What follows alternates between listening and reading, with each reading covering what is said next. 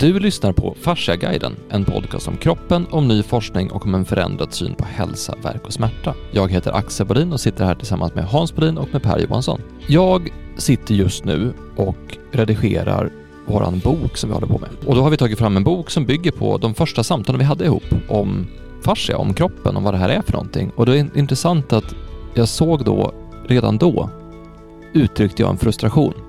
Så redan i första avsnittet så uttryckte jag en frustration och jag inser att den här frustrationen är på ett sätt kvar. Därför att när man vet så mycket som man nu vet om olika saker och så händer ingenting. Så till exempel så brukar jag prata om att det här med att vi har eh, de flesta studierna är gjorda på män och inte på kvinnor, så vi har inte förstått kvinnokroppen. Men nu vet vi att kvinnokroppen är på ett annat sätt, så den fungerar inte som manskroppen. Det är inte en manskropp med hormoner, utan det är någonting annat. Den reagerar på andra sätt, den bygger om sig två gånger i månaden, den reagerar, reagerar si och så på olika eh, hormoner som passerar genom fascianätverket, så vi kan förstå kvinnokroppen på ett annat sätt. Vi pratade i något avsnitt om att man egentligen borde kunna omstrukturera samhället utifrån psyken för att anpassa den för hälften av befolkningen så att de faktiskt mm. får ett samhälle som är gjort för deras kroppar. Vi har pratat om tarmfloran och hur tarmfloraforskningen vänder upp och ner på alltihopa. Att tarmfloran är mycket viktigare än ibland än vissa substanser du stoppar in och de har gjort tester som visar att, att eh, läkemedel fungerar bättre om tarmfloran är bra och så vidare.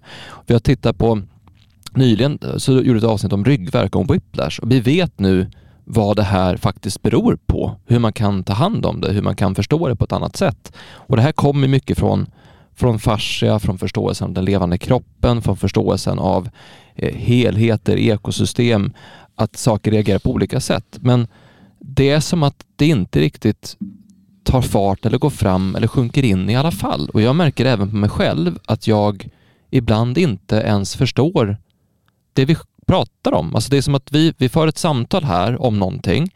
Vi börjar förstå kroppen på ett annat sätt. Vi börjar förstå vad en övertygelse om vad kroppen är, vad den skulle kunna vara, hur man kan läka på ett annat sätt. Men sen går man som ut i det vanliga livet och då, då är det som att vissa av de här sakerna glöms bort. Till exempel att man kan andas, eller man kan äta på ett annat sätt, eller man kan tänka på ett annat sätt, eller man kan vara med andra människor, eller att man blir vad man, man blir vad man gör och miljön man är i och så vidare. Men ändå så hamnar man det, det är svårt att vara åt det hållet. Jag tänkte vi skulle prata lite grann om det idag. Varför, dels varför vi har så svårt att förstå livet, vatten, naturen, eh, oss själva, kroppen, fascia, den här helheten, varför vi har så svårt att förstå det här och verkligen gå till grunden med vad i vår kultur och vår omvärld gör det svårt att förstå det här. För jag tror att om vi gör det, då kan vi kanske öppna upp för ett annat sätt att förstå det på. Mm. Och det tänkte vi skulle prata om idag. Så vad, vad i vår kultur är det som gör att vi har så svårt att förstå det levande? För du har ju mött det här mycket också Hans. Jag, jag, tror, att, jag tror att man har, det, det de tar upp som är ganska intressant. Alltså, om man tittar på, vi är ju, människor är djur. Och vi, du har ju studerat djur Axel, Per, och jag har, ju, jag har inte studerat djur men jag har ju sett på hur hundar är, hur katter är, hur hästar är, alltså hur olika djur är. Och, och eh, kvinnliga djur är inte likadana som man, manliga djur. Alltså det är en häst, en hingst och en, och en en hingst är annorlunda än en, en vad heter de andra då? Honhäst? Hon, nej, vad heter de? Heter det? Vad heter Sto. Sto. jag har hållit på med hästar. Men de är helt annorlunda. Hingstar kanske man måste göra om till vallack istället för att de är för hingstiga. Hingstar står på speciella ställen.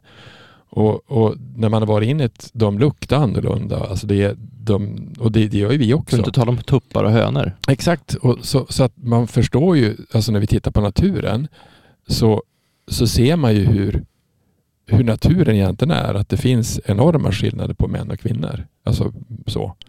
Och, och det är klart att det är så för oss också fast vi har inte trott att det är så. Så egentligen är det vad hette han, vad, vad, vad kallade han det för? Eh, Domin ta, do, do, vad heter det? Dominiciseringsprincipen? Ja, alltså ja. att vi är tamdjur som är helt korkade i huvudet som är, alltså, gör, gör, konstiga saker som inga andra djur gör. Så jag tror att det, det svåra egentligen är att, är att vi har separerat oss så mycket ifrån eh, vi är så artificiella så vi har glömt bort hur egentligen livet är, vad det är för någonting och hur vi påverkar. Hur, hur, hur är livet? Vad är det för någonting? Om vi tittar på Alltså, Pollack är ganska intressant, vi kommer säkert upp han sen, men han, han menar att det går att förklara väder på ett helt annat sätt än vad man egentligen tror att det är. Och det är att, att alltså, det, det, han, han, brukar ta exempel på moln och hur mycket vatten som finns och hur mycket det väger de här vattnen som åker runt där i, i atmosfären. Och det är, det är många elefanter, det är flera tusen, det är fem ton som åker runt i moln. Så väder kan man ju se som luft, vind, laddning, tryck, eh, alltså massa olika saker. Man kan också, det, är ju klimat, eller kan man titta på, jag hörde en utfrågning som fanns med några eh, politiker som varit frågade av någon som vet ni hur mycket koldioxid det finns i luften? Och då sa de ja det är kanske 10 procent, det är kanske eh, 5 procent, 3 procent. Är det 0,0415 procent? Alltså det är parts per million. Och det vi pratar om, som man, man pratar mycket om, det som är orsaken till allting som finns, det är att vi har för mycket ppm i luften. Och då, då får man förstå, men det kanske är så, men då förstår man hur otroligt bra vi är på att separera saker och ting. Att inte titta på helhet, inte titta på vad är ett ekosystem? Hur påverkas, påverkas vi utav ekosystemet som är? Påverkas det det som är utanför? Eh, och Det där tror jag gått jag tror att det är det svåra egentligen, att vi har separerat så mycket och tittat på så mycket delar att det är svårt att få ihop en helhet utav det. Eh, och Det kan ju vara Sen kan man ta olika exempel på det. Man kan ta man kan ta exempel på att, jag menar... Men jag kan ta från det första, också från första avsnittet, så berättade jag om två saker, väldigt konkreta exempel på det här. Det ena var min egen upplevelse att jag satt i en buss. Och ja, jag såg att, att jag tänker att det är helt naturligt att jag sitter i en buss. Men men skulle jag ta en människa från 2000 år sedan och stoppa den i den bussen bara rakt ut så skulle de bara, vad är det här för någonting? Därför att, att åka runt i en plåtlåda i en viss typ av hastighet i en helt artificiellt byggd stad där det enda som är då träd och så vidare är ju ditplanterade och kontrollerade och uppstyrda på ett speciellt sätt och vägarna med asfalt. Det finns mycket som egentligen är ganska märkligt med det om man tittar på det uppifrån eller utifrån och inte är i det. Och det andra som jag berättade om då, det var eh, den här skolklassen eller kollagruppen som var ute i, i naturen och skulle övernatta, men de var tvungna att åka hem för de tyckte det var för obehagligt att vara i naturen. Mm. Därför det var för mycket, för mycket djur, för mycket ljud, för mycket... Det, det var så onaturligt för dem att vara i naturen.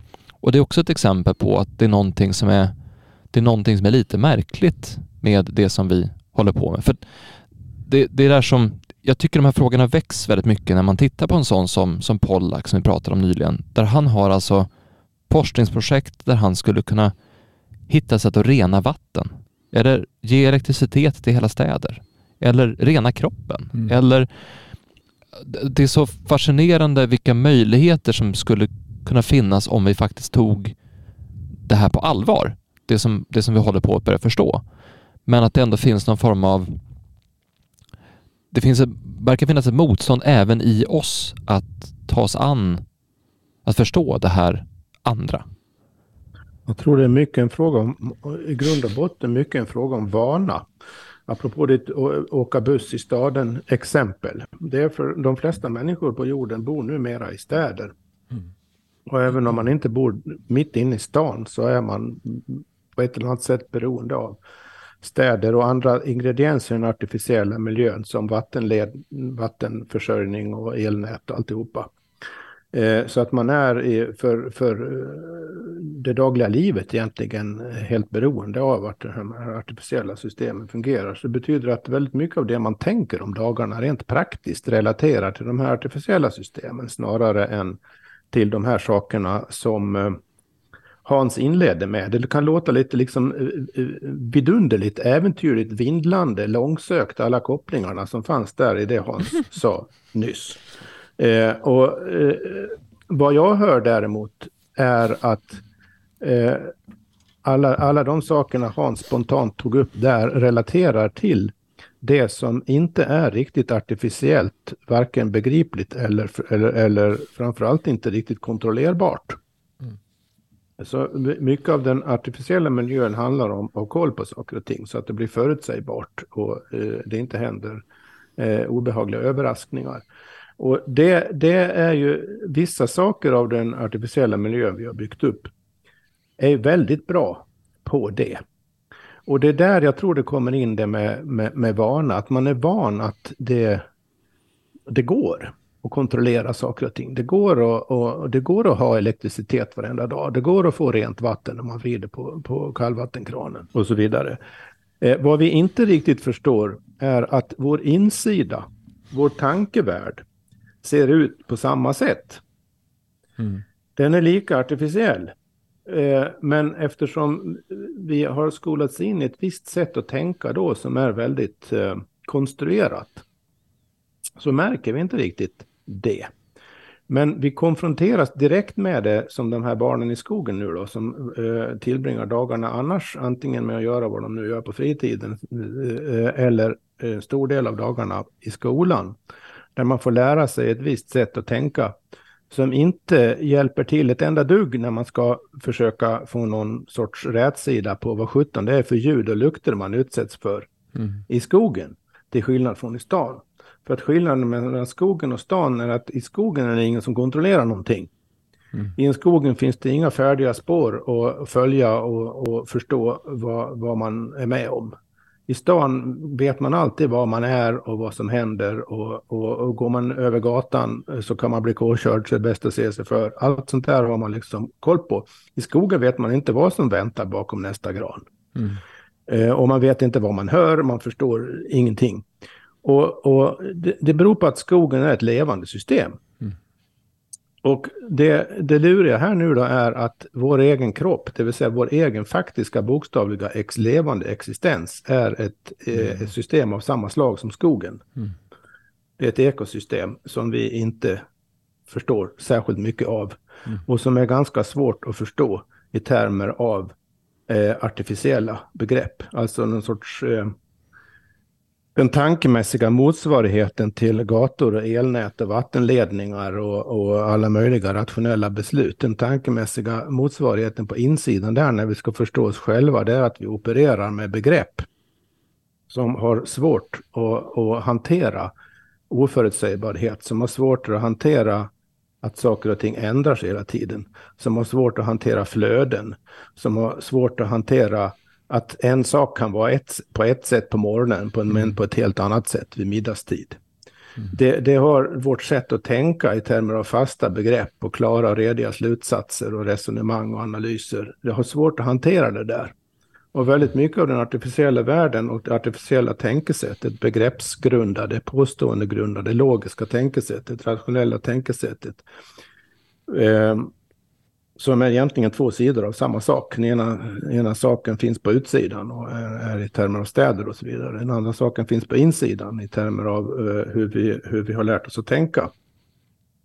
I, båda de sakerna så att säga konspirerar till att göra oss vana att tänka på vissa, uh, enligt vissa spår egentligen. Mm.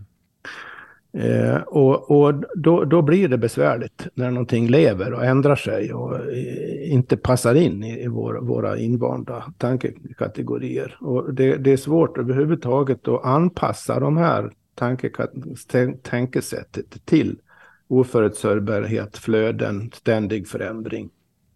Mm. Det, det, är lite det problemet vi står inför när det, när det handlar om att, att förstå saker och ting. Mm. Det går inte riktigt ihop, vårt sätt att tänka med hur det faktiskt är i livet. Därför, ja, när vi pratade om det, det som vi hade, vi hade ett möte igår så pratade vi om, om, om livet som är. Alltså varför, då var det en, en karl vi träffade, han just fått barn. Och Axel, du fick barn, för, ni fick barn för två år sedan. Det som är intressant som han sa, det var att det kanske största som händer någonsin någon gång det är att man får barn. Och det tog två dagar var han hemma på. jag var hemma, hemma igen med det barnet. Han hade ingen instruktionsbok med sig. Han hade inte fått någon heller. Och, och nu, då sa jag att det var ju tur för att han hade fått ett barn som sov sex timmar per natt. Och det enda de bråkade om lite grann var vem som skulle upp på natten. Och, och då berättade Axel en annan sak. Som Men det, det intressanta är att livet som är eh, på något sätt dominikations, vad heter det, dominikations eh, perversiteten, alltså tamdjurs Domesticeringen menar Domesticeringsper, alltså tamdjursperversiteten som vi kallar det. Det var ett program som jag hörde från 1961 som en karl skickade till mig. Han sa att vi är nog de mest konstiga varelser som finns. För att vi, alltså djuren klarar ju av att få barn och vet exakt vad de ska göra. Men vi vet som inte vad vi ska göra för någonting. Alltså vi, har ingen, vi har ingen handbok på det. Vi, vet inte vad vi, ska, vi, vi blir som drabbade av det. Och samtidigt som det som är intressant är att i det där drabbade av det så blir vi också väldigt mycket olika roller som man får. Jag har aldrig jobbat så mycket i hela mitt liv som när vi fick barn. Aldrig någonsin. Och det var ingenting som jag ville göra, det bara vart så. Alltså man jobbar som en idiot och att jag ska försörja min familj. Och jag vet inte varför man gjorde det heller. Eh, det var också intressant hur mycket, hur mycket eh, Lotta, min fru, fick samtal ifrån andra kvinnor.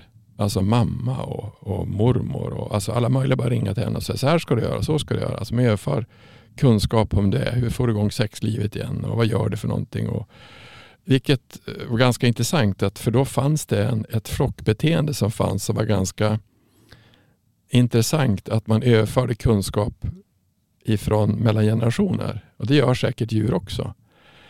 Det som är intressant som han egentligen sa, det var ju att, som du sa också berättat, var, var man är inte van att inte få sova.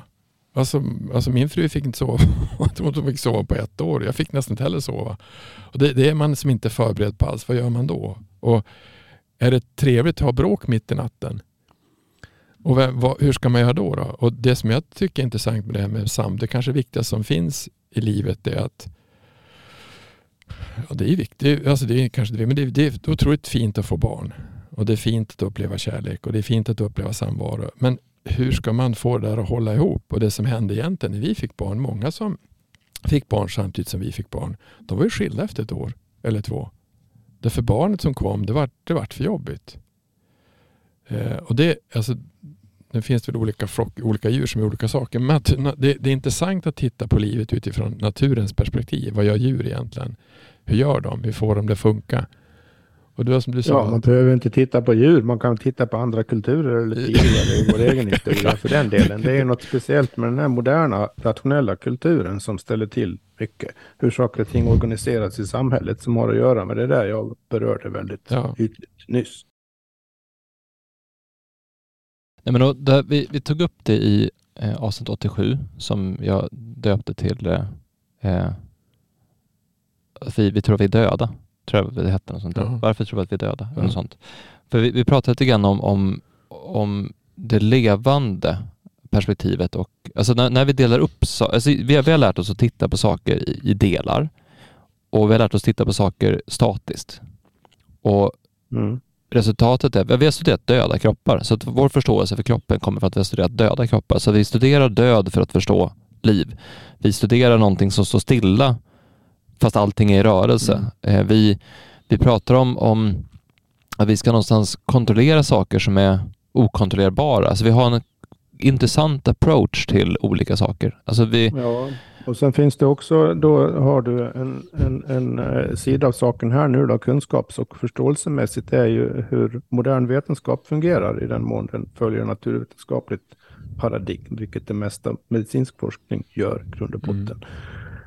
Eh, det är ju att eh, det, det, man vill förstå då och kan förstå på det sätt på vilket forskningen bedrivs och redovisas i olika publikationer. Det är eh, att man vill, till, man vill åt eh, generella mönster. Man vill, man vill åt sånt som går att generalisera. Alltså man vill ha sån allmän teori som möjligt för att förklara någonting. Och, och det finns eh, inom olika del, delar av naturvetenskapen har lite olika teorier då som, som fungerar på det här allmän, allmänna planet. I biologin har man framförallt eh, evolutionsteori. Mm. I fysiken har man eh, gravitationsteori, kan man kalla det, eh, Einsteinsk fysik och man har kvantmekanik. Eh, och, och Eh, oavsett då specialvetenskap, så att säga, oavsett om det är biologi eller fysik, så går for, forskningen ut, medicin en del av biologin här nu då, så går forskningen ut på att hitta och förstå de här generella mönstren. Och det är inget fel med det. Mm. Det är väl fantastiskt i den mån man kan förstå någonting i generella termer. Jag menar, det är oerhört mycket som är helt verkligen på alla plan egentligen oförståeligt utan evolutionsteori i förhållande till hur levande organismer fungerar.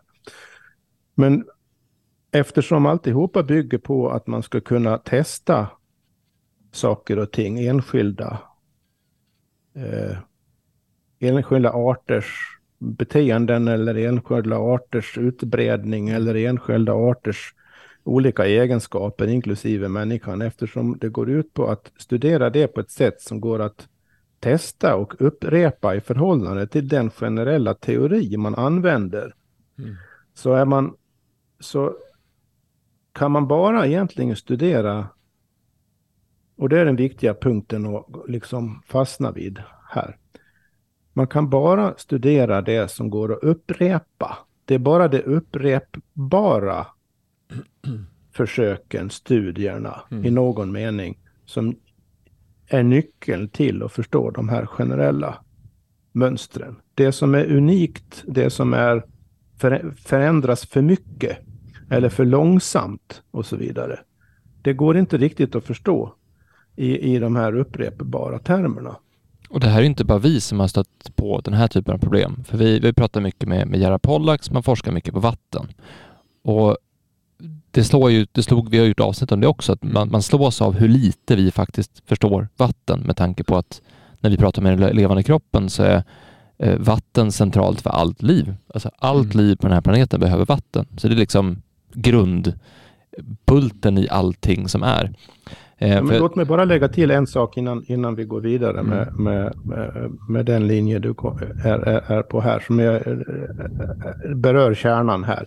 Det är att alla riktiga forskare inom någon vetenskap, naturvetenskap, och andra för den delen också, men det är naturvetenskap vi fokuserar på nu då, vet ju det här jag sa. Mm. Vad betyder det att man vet det? Jo, det betyder att man vet att det mesta vet man ingenting om. Mm. Alltså det är otroligt mycket man inte vet. Det vet alla riktiga forskare. Och det är därför man forskar. Det är mm. ju det som driver, driver det hela framåt, att man egentligen inte vet så mycket. Och man vet också premisserna det här. Man vet allt man aldrig på det här sättet kommer att kunna få någon kunskap om egentligen. Så att man, om man, om man liksom är ärlig där från den sidan så säger man ju att ja, nej, men i grund och botten rent vetenskapligt sett så vi, vi, har vi koll på vissa generella mm. saker och det är väldigt, det tycks vara faktiskt generellt på en generell nivå vara av betydelse det här vi vet inom evolutionsteori till exempel. Mm. Men det betyder inte att vi förstår vad som egentligen händer i den levande, med den levande människan eller den levande sandödlan den levande bofinken, vad sjutton det nu är för någonting. Eh, vad, vad, gör de om dagarna? Vad, vad, mm. Varför gör de det de gör? Det, det, är väldigt mycket detaljerade frågor man inte kan få egentligen ha, ha, ha några svar på. Var inte ett bra exempel på det? Var inte det Tjernobyl? För man trodde att det skulle bli inga djur alls skulle finnas där efter det, det katastrofen så. Men det finns ju hur mycket djur som helst där nu. Ja, så grejen är ju då att vetenskaplig förståelse bygger på vissa teoretiska perspektiv som är kapabla att förutsäga och beskriva mm. vissa typer av fenomen, som regel storskaliga och generella i någon mening. Mm. Men är ganska dålig på att förstå vad som egentligen händer dagligen. Mm. Och det är ju det, är det som blir problem för oss som människor då, inte minst, eftersom mm. vi lever i det dagliga livet. Mm. Vi lever inte i det här teoretiskt generaliserbara livet, där tidsperspektivet är miljoner eller hundratusentals år. Vi lever liksom sekund för sekund. Mm. Det, är det, det är det som är, vi lever i. Och det kommer man inte riktigt åt eh, på det här med de här generaliserings... Eh, Nej, men blir, det inte så? Ambitionen. Om du, om du ser det som, om du ser det, om du tar, om du tar eh, eh, de vetenskapliga teorierna som du sa nu så, så det är många som menar att de, de går inte riktigt ihop. De funkar ju inte. Alltså man tittar på gravitation som man inte riktigt vet vad det är för någonting i standardteorin. Man säger att det är Higgspartikel. När det råkar finnas det funkar gravitation men det är svårt att hitta i det, i det systemet. Det är svårt att hitta gravitation. Och det är, ja, det är en annan sak som inte är så allmänt känt egentligen utanför forskarkretsar. Det är att om du tar inom fysiken, men tycker som lekman icke-fysiker, ja. all fysik är väl ungefär, de vet väl vad de håller på med, alla fysikerna. Ja. Och de, de kan väl prata med varandra. Så är det ju inte alls. Nej. Olika del, deldiscipliner inom fysiken kan ju inte kommunicera med varandra för de, de, de har, tänker enligt olika eh, principer. Inte så att de, de direkt säger emot varandra, men det, det går liksom inte och, och ändå inte riktigt att få, få, få, ihop det, för man har olika teoretiska perspektiv och man, det är många vetenskapliga konferenser som egentligen bara handlar om att olika perspektiv bråkar med varandra om mm. hur sjutton är det med, med det där egentligen. Likadant i biologi och allt annat. Så att det finns ingen riktigt enhetlig förståelse på det sättet. Men, men det finns en sorts enhetlighet som har att göra med det där jag sa, att det man strävar efter är generaliserbara principer. Mm. Men det, som, det, det är det som jag menar, nu kanske vi kommer in på men, men när man pratar om, om, om saker som är i naturen och det som vi egentligen är med om varenda dag så har vi inte så mycket koll på det i alla fall egentligen. Och det, det som om du tar, jag skickar uh, äh, Gerard Pollack skriver en bok som handlar, vad heter den första boken han skrev 91? Om celler och, och laddning och massa. Han menar att hela cellbiologin som finns stämmer inte. Det funkar inte så. Det kan inte funka på det sätt som man har sagt. Att med, alltså mitokondrierna och ATP, det, det har för lite energi som finns i cellerna. Men om man, om man tar vattnets fjärde fas, om det finns i, i varje, så varje cell är ett batteri. Så egentligen har vi hur många, hur många triljarder celler har vi egentligen? Många. många har vi. Så att egentligen är vi en jädra massa celler med, med laddning i som, som är som batterier. Då funkar biologin på ett annat sätt. Och det skrev han ju en bok om, eller han tog ju fram det på 90-talet. Eller om det var 2000-talet han tog fram den. Och den, den har ju aldrig blivit ifrå, ja, den är ifrågasatt men den är ju, han menar att det, det, han hade ju, som jag hörde ett program, han hade ju diskussion med en, en, en karl som var nobelpristagare som hade kommit på något, någon typ av system som fanns. Han sa att det där stämmer ju inte. Så att det, det intressanta med forskning, vi tror att forskning är alla överens. De är inte överens om något mycket alls. Utan alla har ju alla har olika sätt att se på saker och ting. Ehm. Men det, det är där jag tror vi landar någonstans nu. För jag, jag känner, alltså jag tänkte på, vi har ju ett, eh, vi skickade ju vi, vi, har kommit fram till någonting med fascia och den mm. levande kroppen. Mm. Att fascia passar inte in i hur man bedriver vetenskap idag. Det räcker inte. Det, vetenskapen, så som naturvetenskapen ser ut just nu, den räcker inte till för att förstå fascia. Alltså den, den, den begränsas, den är inte tillräckligt bra eller den, inte bra heller, utan det är, det är syftet med den är inte att förstå fascia. Syftet med naturvetenskapen är inte att förstå den levande kroppen. Det, det pratar vi om i de avsnitten, för den är inte byggd på det ja, sättet. Ja, eller man skulle kanske vara, man är lite snällare, skulle man kunna säga att syftet är väl i och för sig att förstå den levande kroppen. Det är bara det att man hittills de metoder och tänkesätt och begreppsapparaten man använt hittills fungerar dåligt i relation till fascia. Mm. Vilket ju innebär att man vetenskapligt sett förr eller senare här och redan har börjat inse på vissa håll. Man blir tvungen att tänka, lära sig att tänka i andra termer. Så det, att, det, är det, som... Eh, det är så vetenskap också i och för sig går framåt. Va? Så mm. Eh, att man upptäcker att en viss begreppsapparat funkar, fun, funkar inte längre. Och det där händer ju på andra håll också. Jag ska bara nämna jättekort ett, ett, ett, ett eh, till synes helt skilt exempel, men egentligen är det inte skilt alls på den här principiella nivån. När, när det gäller att förstå naturliga ekosystem så har det funnits ända fram till 70, 80, 1980-talet egentligen ett dominerande paradigm som är grundat i hur ekosystem på norra halvklotet fungerar. Mm. Och de tenderar som regel till, eh, till ett tillstånd av relativ balans. De är ganska förutsägbara i hur ekosystem på norra halvklotet beter sig. Det har man lärt sig under 1900-talet någorlunda. Sen nu då när man började studera ekosystem i Australien så mm. visade det sig att de fungerar inte alls så. när, man, när man skulle använda de här vanliga modellerna från nor norra halvklotet i Australien så stämde ingenting, ingenting stämde. Mm. Så, jaha, men vad, vad och, och det, det visar sig bero på att alltså, klimatförhållanden och väderförhållanden och allt som följer med det eh, fungerar helt annorlunda i Australien. Det mm. finns ingen stabilitet överhuvudtaget. Mm. Vad som helst kan hända när som helst. Det kan bli översvämning, totala fruktansvärda översvämningar ett, ett år. Sen kan det gå tio år av fruktansvärd torka. Mm.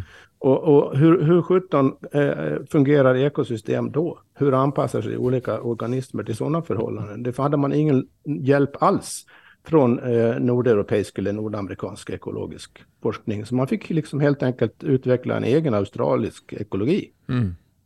Eh, eh, som, som visade hur organismer där i den delen av världen är otroligt mycket mer eh, flexibla i sitt sätt att, att, att, anpassa sig. Och de som inte är flexibla, ja, de klarar sig inte då. Mm. Så, så det, det, där finns ju någon sorts analogi här med fascia. Va? Att här har du då ett system som är föränderligt och oförutsägbart utifrån etablerade metafysiska, eh, vad säger, medicinska perspektiv. Mm.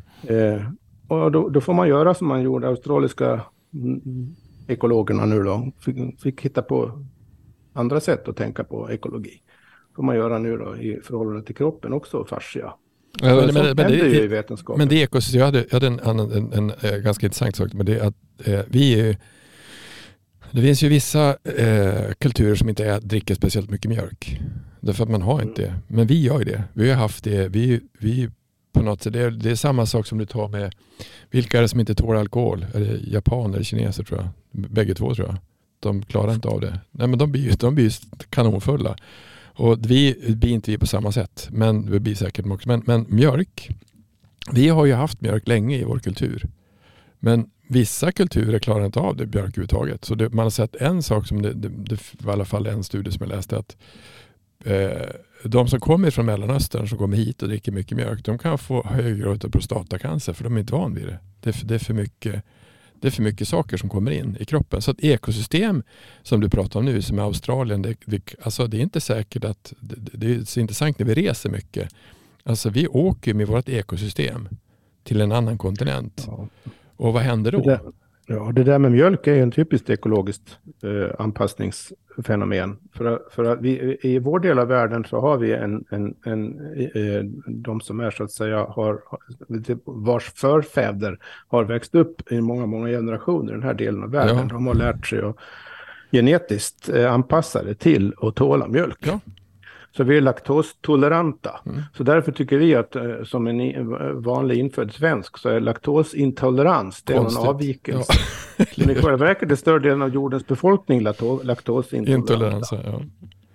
Så, så, så, så det, det, är ytterligare ett exempel på det här med hur man måste förstå lokal e e ekologi då.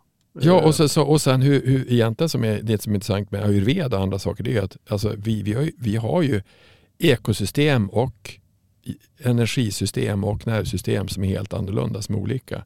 Så det är inte alls säkert, i andra kulturer så har man ju mat för vilken typ av kroppstyp man egentligen är. Och det har inte vi heller. Utan här är, så, vi har haft, jag tittar på när vi, när, vi, när vi byggde sommarstuga ute på en ö. Då hade vi anställt massa eh, timmer, timmer, de heter timmerarbetare som egentligen hjälpte oss att bygga timmerhus. De steg upp sex på morgonen och åt någon jädra frukost. Sen när vi klev upp nio och skulle lyssna på Hobbit, alltså Tolkiens på radion, då åt de sin andra frukost. De, och de, jobb, alltså de, de åt ju så in i helskotta mycket som man trodde det var sant. Och det är också eh, och det var ju, så, så var det. Alltså vi, har ju, alltså, vi har ju jobbat mycket. Det gör vi inte längre på samma sätt. Vi, alltså, men, det, var så jag berättade i ett annat avsnitt. Jag hade, jag hade en kompis som han var nere i lumpen. Han var, han var timmare, han var skogshuggare. Det fanns 70 000 skogshuggare nere i lumpen. Och han jobbade på ackord. Och så säger jag med den kroppen, jo men jag är bra på att slita på, sa han. Det går jag berätta bra. Han var envis som 17 som synden. Men det fanns ju sådana jobb och det var inte länge sedan. Det var 86, 80, 80 gjorde lumpen. Då fanns ja. det 70 000 skogsarbetare i Sverige. Så att vad man har ätit för någonting och hur man har, alltså vilken kost man har haft. Och det är ju förmodligen väldigt olika på vilken del av jorden man har levt i. Och hur man har jobbat och vad man har gjort för någonting. Och Det är klart att den kommer att spela roll på den genetik som förs vidare till nästa generation. Det gör det ju. Kontentan av allt det här är ju att saker och ting är, upptäcker man den ena vetenskapen efter den andra egentligen, att saker och ting är väldigt mycket föränd, föränd, mera föränderliga och oförutsägbara än man tror. Och det ställer ju till det rent metodologiskt då, apropå det här med kravet på upprepbarhet och mm. generaliserbarhet och så vidare. Och det var väl, det väl där vi skulle kunna gå vidare, apropå mm. kontakten vi haft med Gerald Pollack också. Mm. Ja, för det han sa egentligen var att, att det här blir ett samma problem som vi har upptäckt med fascia har ju han upptäckt med vatten. Mm. Därför att repeterbarheten gör det omöjligt att förstå vatten eftersom att vatten påverkas av väldigt många faktorer och vi känner inte till många av dem. Och det i sig gör att när du studerar vattnet så är inte vattnet samma sak sen. Därför vattnet förändras hela tiden, vilket gör att det blir omöjligt att förstå det utifrån det här repeterbara sättet som man, hur man bedriver då modern naturvetenskap. Och där någonstans tror jag, det, det är två saker här. Dels är det att vår, vi måste söka svar någon annanstans för att lära oss förstå den levande kroppen. Vi hittar inte de svaren i det befintliga system som finns. Så man måste öppna upp sig för andra sätt att se på saker.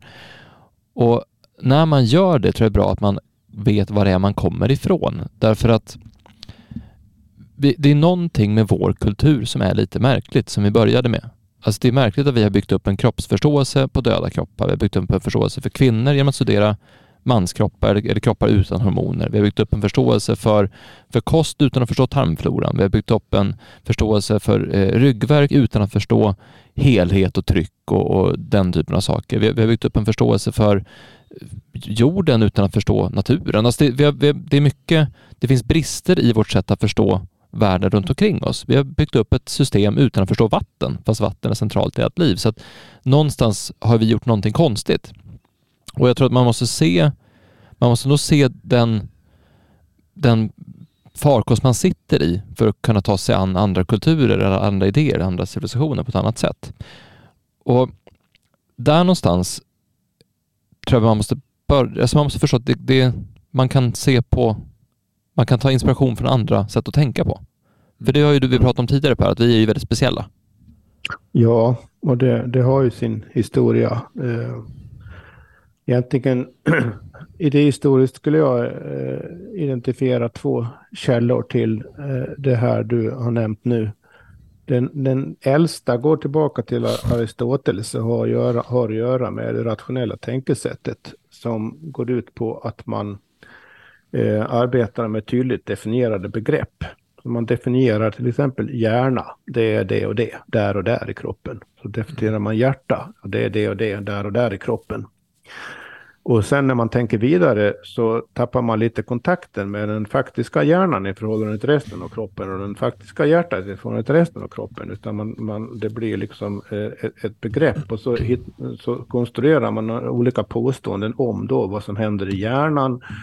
Eh, och så försöker man förstå saker och term, i termer av det och man kommer en, en, en bit på vägen i den mån det som hjärnan gör och händer i hjärnan och med hjärnan Eh, Eh, och vad hjärnan påverkar och så vidare. I den mån det följer någorlunda regelbundna spår så kan man ju komma åt det med de här eh, tydligt definierade begreppen och typen av, av resonemang och, och eh, slutsatser man kan Eh, kan dra av det. Men sen kan det ju hända då att hjärnan gör tillsammans med andra organ i kroppen en massa saker som inte riktigt går att komma åt på det sättet. Det följer inte den här tydliga begreppsapparaterna man har för att för, förstå saker och ting.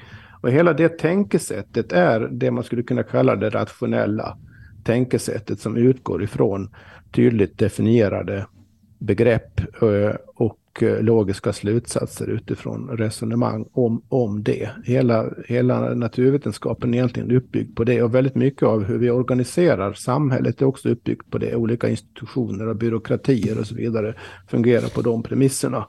Tydligt definierade begrepp, antingen det ena eller det andra, och inte både och. och, och begrepp ändrar, det finns en sorts oföränderlighet, en sorts eh, rigiditet, stelhet i, i, i, i hela det här tänkesättet.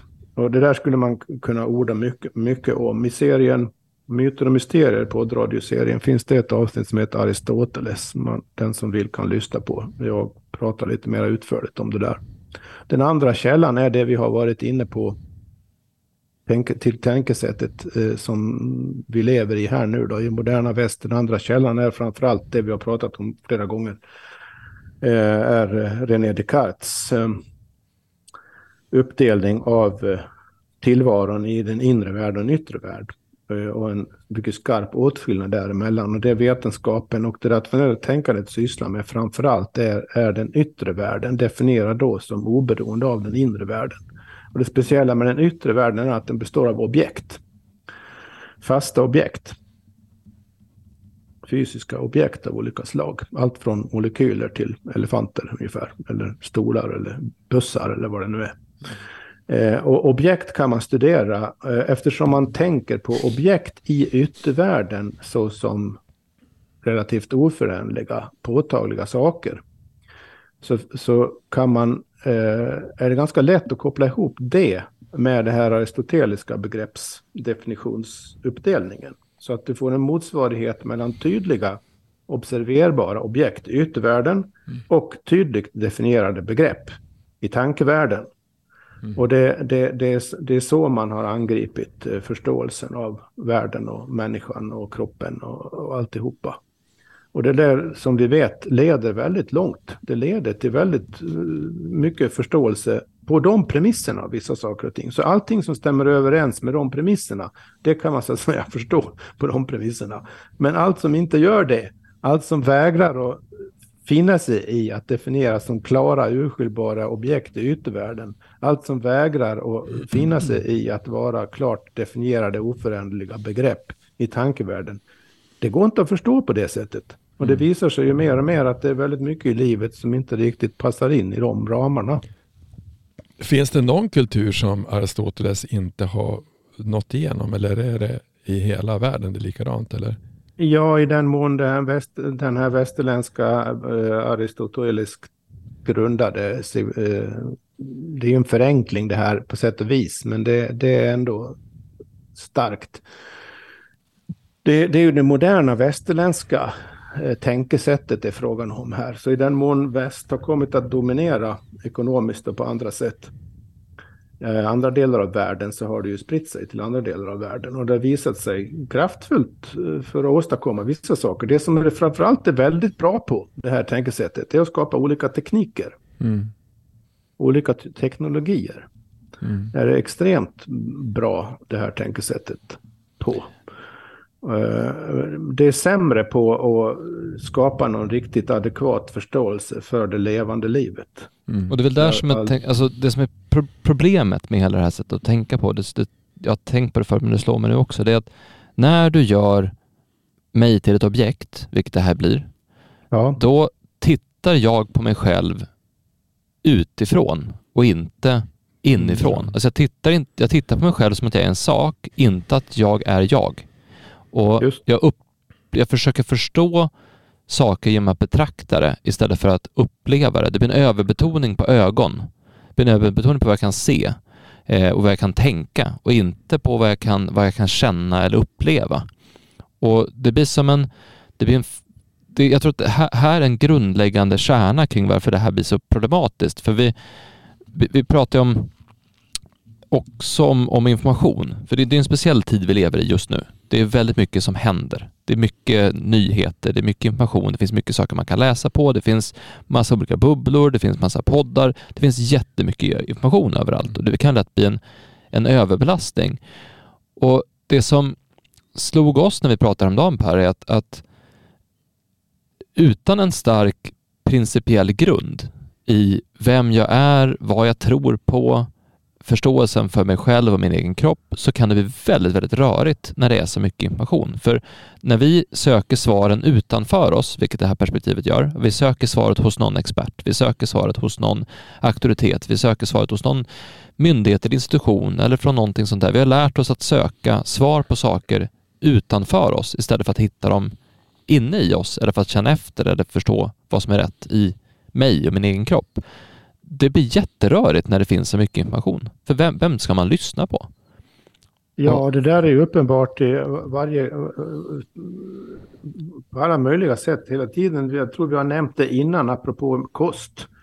Att om man har det perspektivet när det gäller vad man mår bäst av att äta så betyder det att man läser och lyssnar på och, och, och frågar en massa om vilken kost är bäst. Ja, är det medelhavskost eller mm. är det stenålderskost eller är det... finns ju, alla vet att det finns en massa olika kostråd. Vilket, vilket är bäst? Och att genom att överhuvudtaget ställa frågan på det sättet så är man ju inne i det här begreppsliga generaliserbara mm. tänkandet. Eh, och, och man, man tror att det som är generellt statistiskt i något avseende i någon population. Det gäller mig. Så att om, om det är liksom säg 67 av 100 människor som mår väldigt bra av medelhavskost utan hänsyn till var de bor eller vilken genetisk historia de har eller någonting. Så drar man slutsatsen, ja men det är bra för, för det verkar ju vara bra för si och så många procent. Det ska jag käka bara medelhavskost. Sen kan det ju vara så då att jag i min, hur min kropp fungerar, hur min genetik ser ut, kanske inte alls mår bra av det. Jag mm. kanske skulle äta en massa smör och grädde och, och kött. Mm jag överdriver lite grann, men kanske mm. inte så himla, kanske mindre än man tror. För att mm. det, det, är väldigt individuellt det där. Så att det spelar ingen roll hur många kostråd jag läser. Det spelar ingen mång, hur mycket så att säga, av yttervärldsinformation jag försöker ta till mig och tillämpa på mig själv. Det hjälper mig inte ett dugg i alla fall. Det hade varit mycket enklare om jag bara hade provat själv och känt efter mm. olika sorters mat. Nu ska jag äta det och det och så se hur jag mår på det. Jaha, nej det mådde jag inte bra. Jag fick sitta på mm. toa halva dagen. Eh, jaha, nej men jag provar det här andra istället. Ja, men då blev jag förstoppad. Nej, jag provar det här. Ja, men då fick jag ont i huvudet. Ja, men då mm. provar jag det här. Ja, men nu har jag mått bra i tre dagar eller en mm. vecka eller vad det är för någonting. Överdrivna exempel kanske, men principen är ju att det är väldigt mycket som man faktiskt kan lära sig själv genom att känna efter snarare än att försöka tänka ut det med hjälp av yttervärldsinformation. Mm. Jag tror det, alltså det finns väl i, i, i alltså det rationella tänkandet som du sa, det var för jag frågade om det finns någon annanstans. Jag tror att han som, var, han som började forskning på vatten, han hette ju Ling. Han var ju kines. Eh, och det tror jag var upp till ett annat program också. Men två utav de tog dit tre kineser till USA. Och två fick Nobelpris och en, en han tittar på det med strukturerat vatten. Och det, det kan ju vara en tillfällighet att det är sånt som kommer. Men han kanske kommer från ett annat perspektiv. För han kanske Qi var intressant. Han kanske var påläst på, på kinesisk medicin. Han kanske hade ett annat perspektiv att se på vad, vad kroppen egentligen är för någonting. När jag pratade med, det fanns en kille som hette Grander som hade i Österrike som tog fram vatten som var större, alltså större vatten än vad som fanns, annat vatten som fanns. Och han menar att ska man titta på vatten då måste man titta på ett sätt att titta på vatten det är att titta på jordens kretslopp av vatten. För det är egentligen jorden har samma kretslopp av vatten som vi har blodomlopp. Och blodet är ju faktiskt vatten. Det, det innehåller det. Så att om man förstår hur lång tid det tar för vattnet, alltså det sötvattnet som finns att fara ifrån Antarktis under strömmarna som finns. Och det har man ju hittat vid NASA hur lång tid det tar. Alltså med under strömmarna med, med sötvatten. Och, och det sötvatten som finns överallt. Det är ett enormt kretslopp. Och eh, då, då kan man förstå det, det, tog väl du upp, det tog, Schauberg tog väl upp någon, någon avsnitt också. Han studerar ju vatten. Vad gör vatten för någonting? Vill det, det, ska, det, ska ju, det har olika bärkraft och det ska alltid vara fritt och det ska röra sig och, och så. Och då ser man ju, då kan man ju se kroppen på ett annat sätt. Om, om vi är, vad är vi, 70% vatten, lika mycket som finns på jorden. Och sen så är vi, jag tror att han då menar att vi kanske har 99% reagerar med det som vatten som finns i kroppen. Och vatten leder energi. Eh, vatten som, som, som han kom fram till Ling då, det var att det fanns olika typer av vatten och det var väl, vad sa han Pollack, om det var på 90-talet han träffade Anna Karn för första gången i, i Ungern på någon konferens när han sa att blodet en sak som blodet gör att det fungerar det är att vattnets fjärde fas gör att det kan självcirkulera. Eh, så kretslopp är intressant att se på. Alltså stora saker. Vad händer med vatten? Vad händer med energi som far runt jorden?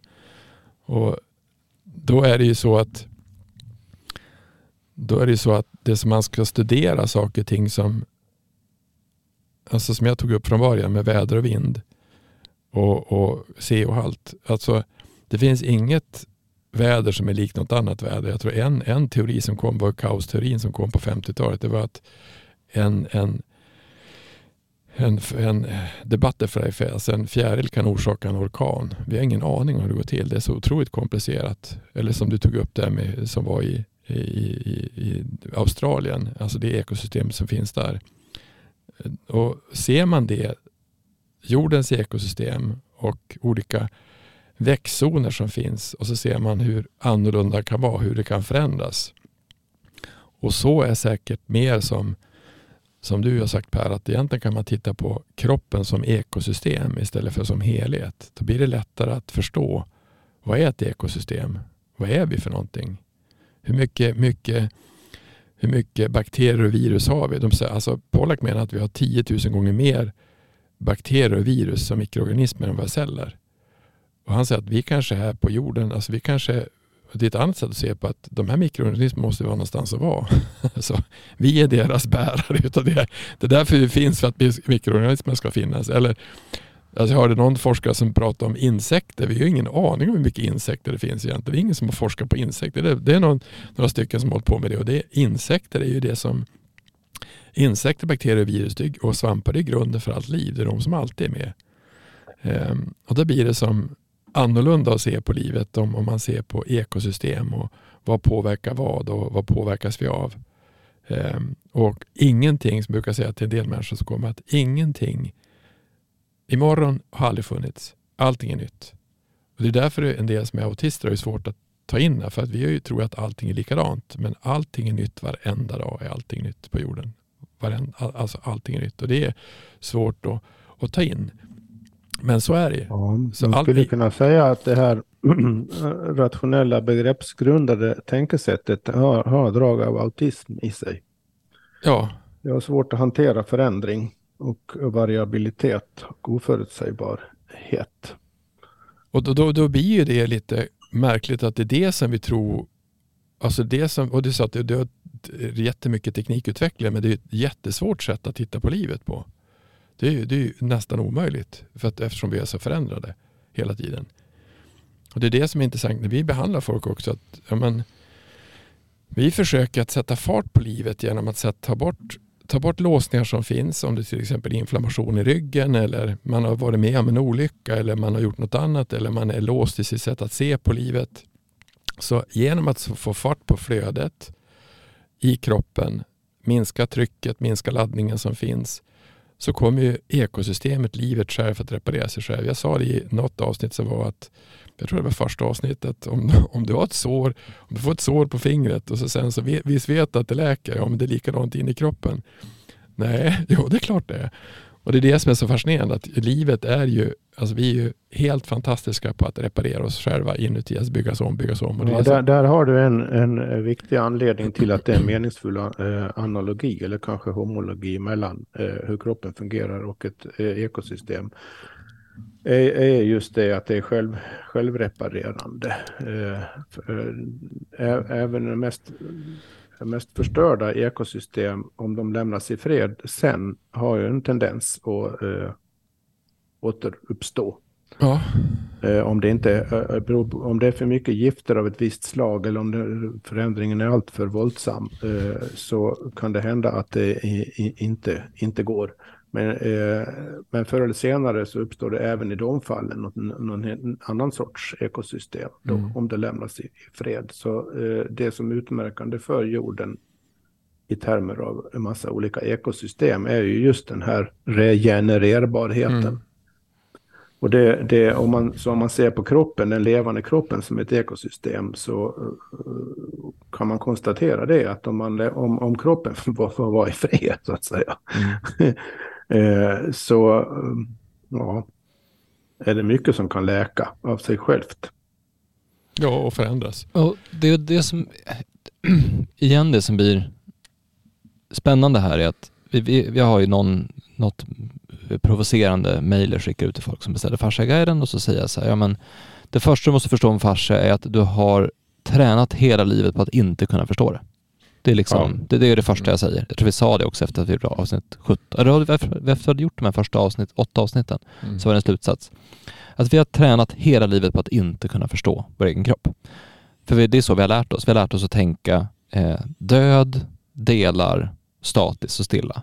Mm. Och vi pratade också om i avsnitt två om att vi det finns en extrem trögrörlighet i vårt sätt att bygga upp kunskap på. För då tog vi till exempel det här med att man hade upptäckt att, eh, att sfinxen var äldre än vad man trodde. Eller att, att det, eventuellt så är Egypten mycket äldre än vad man tror. Och ska man acceptera det, ja då måste man skriva om alla, alla böcker som har med det att göra. Man måste bygga om alla utbildningar kring det. Och det är samma sak att ska du få in fascia i i anatomiutbildningarna så måste du göra om alla utbildningar och det är ju ett stort projekt och det, det, är, alltså, det är ett jobbigt projekt. Det är kostsamt, det är dyrt, det är, det är inte bara pengar utan också energin. Det, det, det är jobbigt att göra det så vi har byggt in en extrem trögrörlighet. Vi säger att vi ska förändra eh, skolan, säger vi. Det är också en extrem trögrörlighet i att förändra det för det är så stort och det är så, det är så komplext och det är så uppbyggt och allt det där är så, det är så otroligt det är av människan skapat och det är skapat utifrån de här idéerna som vi har tagit. Så att någonting, det kanske var, det kanske var en feltanke någonstans för typ 300 år sedan som har lett till att det här blev som det var. Så det kan ju vara den typen av, av konsekvens. Men någonting som inte är så är ju naturen. Alltså om man tittar på, som vi sa i början, om man tittar på djur, om man tittar på träd, om man tittar på svampar, om man tittar på jorden, om man tittar mm. på vatten, om man tittar på, på de sakerna så kan man ju för, få mer, en mer fundamental förståelse för vad liv är. Ta det här till exempel som vi pratade om förut, att, att, att genom att du, du utvecklas genom att övervinna prövningar. Det är en sån här sak som jag har tagit upp tidigare. För Jag mm. tror det kom upp när vi pratade om immunförsvaret. För immunförsvaret fungerar så. Ju mer den attackeras, och ju mer eh, den hanterar immunförsvaret, desto starkare blir det. Och människor fungerar ju så också, att ju mer utmaningar jag övervinner, desto starkare blir jag som person. Men naturen fungerar också så, att ju mer prövningar en, en, en, eh, en australiensisk eh, mus utsätts för, desto mer utvecklas ju den här åt att kunna hantera den typen av prövningar eller flexibilitet, eller så dör den. Så det, det, det finns vissa saker som, som stämmer överens i naturen generellt. Det finns ju principer för liv. Mm. Men de kanske ja, inte detta är den grundläggande tanken bakom eh, nuvarande evolutionsteori är ju just det du, du sa. För den förklarar ju också hur ekosystem fungerar i princip nu då, på en generell nivå. Det betyder inte att man förstår enskilda ekosystem eller förstår enskilda organismer, man förstår vad som händer dagligen. Men den ger en sorts generell förståelsebakgrund till, till, till väldigt mycket. Och det som, det som inte förmår anpassa sig till ständigt föränderliga förhållanden, det dör ju ut. Mm. Och det, det, så ingenting i, i, livet, när det gäller livet på jorden så var, verkar ju ingenting vara för evigt. Utan mm. det byts ut då och då. Ibland förändras förhållandena så mycket så att en stor del av, av floran eller faunan klarar inte av att anpassa sig tillräckligt snabbt. Så då, då, då dör eh, ibland hela ekosystem ut. Men oftast bara enskilda arter försvinner från ett om område för att någonting har förändrats. Så att deras speciella nisch i det hela funkar inte längre. De hittar inte tillräckligt mycket mat, får inte tillräckligt mycket avkomma och så går det några generationer och så finns det inga kvar av den och den ödlan eller vad det nu är. Eh, så fungerar det ju säkert, skulle jag tro, i kunskapshänseende också. Att om en viss kunskap inte förmår anpassa sig till förändrade förhållanden och mm. nya upptäckter. Och ny, vissa institutioner är ju grundade på en viss sorts kunskap då. Som du har institutioner som är grundade på en kunskap som inte förmår anpassa sig till nya upptäckter och nya typer av förståelse och nya förhållanden. Då kommer ju den antingen att ta sitt samhälle med sig i döden eller eh, tvingas att ändra sig och anpassa sig. Så det är ganska hårt det vet vi också, kroppsliga livet är ju hårt också. Det är ju ganska obarmhärtigt för att det måste vara realistiskt i förhållande till vad som faktiskt händer hela tiden. Så det är därför felaktiga eller missvisande tänkesätt är så allvarligt i den mån de institutionaliseras. För att då mm. kan de försätta ett helt samhälle i, i, i livsfara på längre sikt om den inte ändras. Ja, det minns vi pratade faktiskt om i ekologiavsnittet, att det vi har som problem i vårt samhälle är ju att vi har, vi har ingen mångfald. Och har vi inte en mångfald av idéer till exempel, så, så om det då händer någonting, att det kommer en störning, och säg att 75 procent av all, alla idéer dör ut, men det fanns bara tre, mm. då blir det problematiskt. Men ja. om det istället fanns 2000 idéer, då skulle det vara en helt annan, då skulle det inte vara lika farligt om 75 procent försvann. Nej, från ekologisk anpassningssynpunkt så är det då, dåligt med monokulturer som regel. Mm. Därför, blir, därför blir det som du sa med rationellt. Alltså, livet är irrationellt. Och det som vi egentligen tycker är häftigt är irrationella människor. Därför de hittar nya vägar. Så egentligen livet som sådant är irrationellt. Alltså annars skulle vi inte ha liv. Det är därför det är irrationellt eller gå alltså en annan väg. Det tror jag är... Eh, det. Nej, på de här premisserna är det ju ganska lätt egentligen då att identifiera vad som är li, li, eh, livsfientliga eh, saker. Tänkesätt och ambitioner och så vidare i, i samhället också.